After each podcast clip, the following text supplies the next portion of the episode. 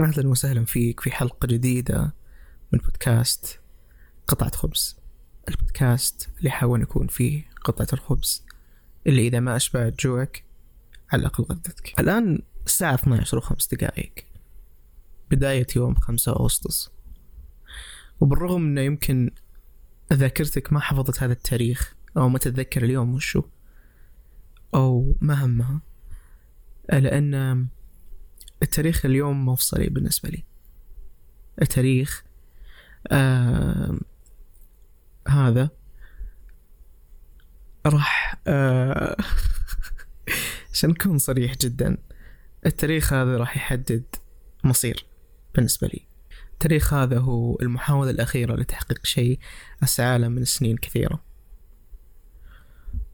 الورقة اللي راح أقرأها الآن كتبتها من من فترة طويلة ويمكن أكثر من سنة. وهي تقريبا مثل رسالة لنفسي. كنت أحاول أقنع نفسي بشيء معين.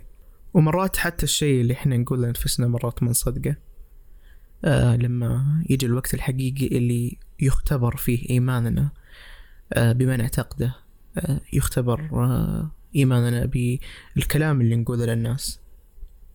مرات إحنا نقول الشيء لشخص عشان نعطيه أمل آه لكن لو قلنا الشيء هذا لأنفسنا ما أعطانا نفس الأمل اللي ممكن يعطيه الشخص الآخر.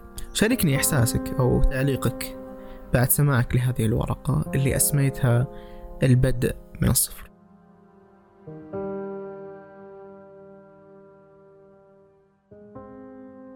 أجد أنه لا شيء يسمى بالبدء من نقطة الصفر عندما يتعلق الأمر بالذات.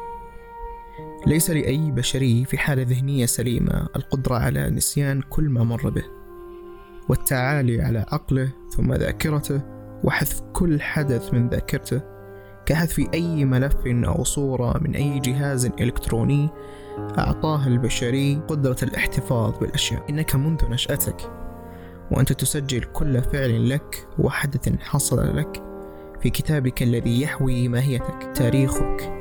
بكل ما فعلته وما مررت به سيئا كان أم جيد. إياك والتمرد على الطبيعة وتقوي وتعزز وجود كل ما أردت أن تنساه بقولك أريد النسيان والبدء من جديد.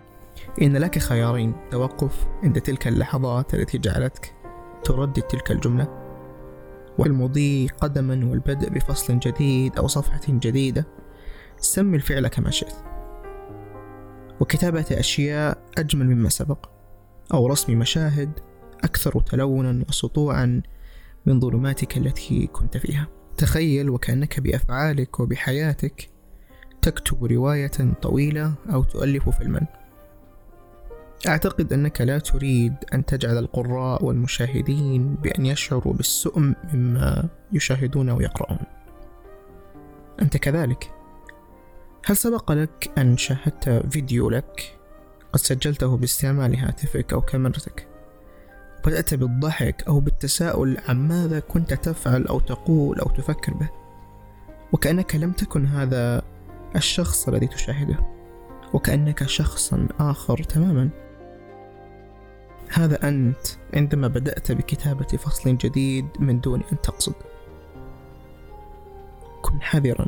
فيما سوف تكتب في الفصل القادم. اجعل المشاهد مستمتعا بما سوف يراه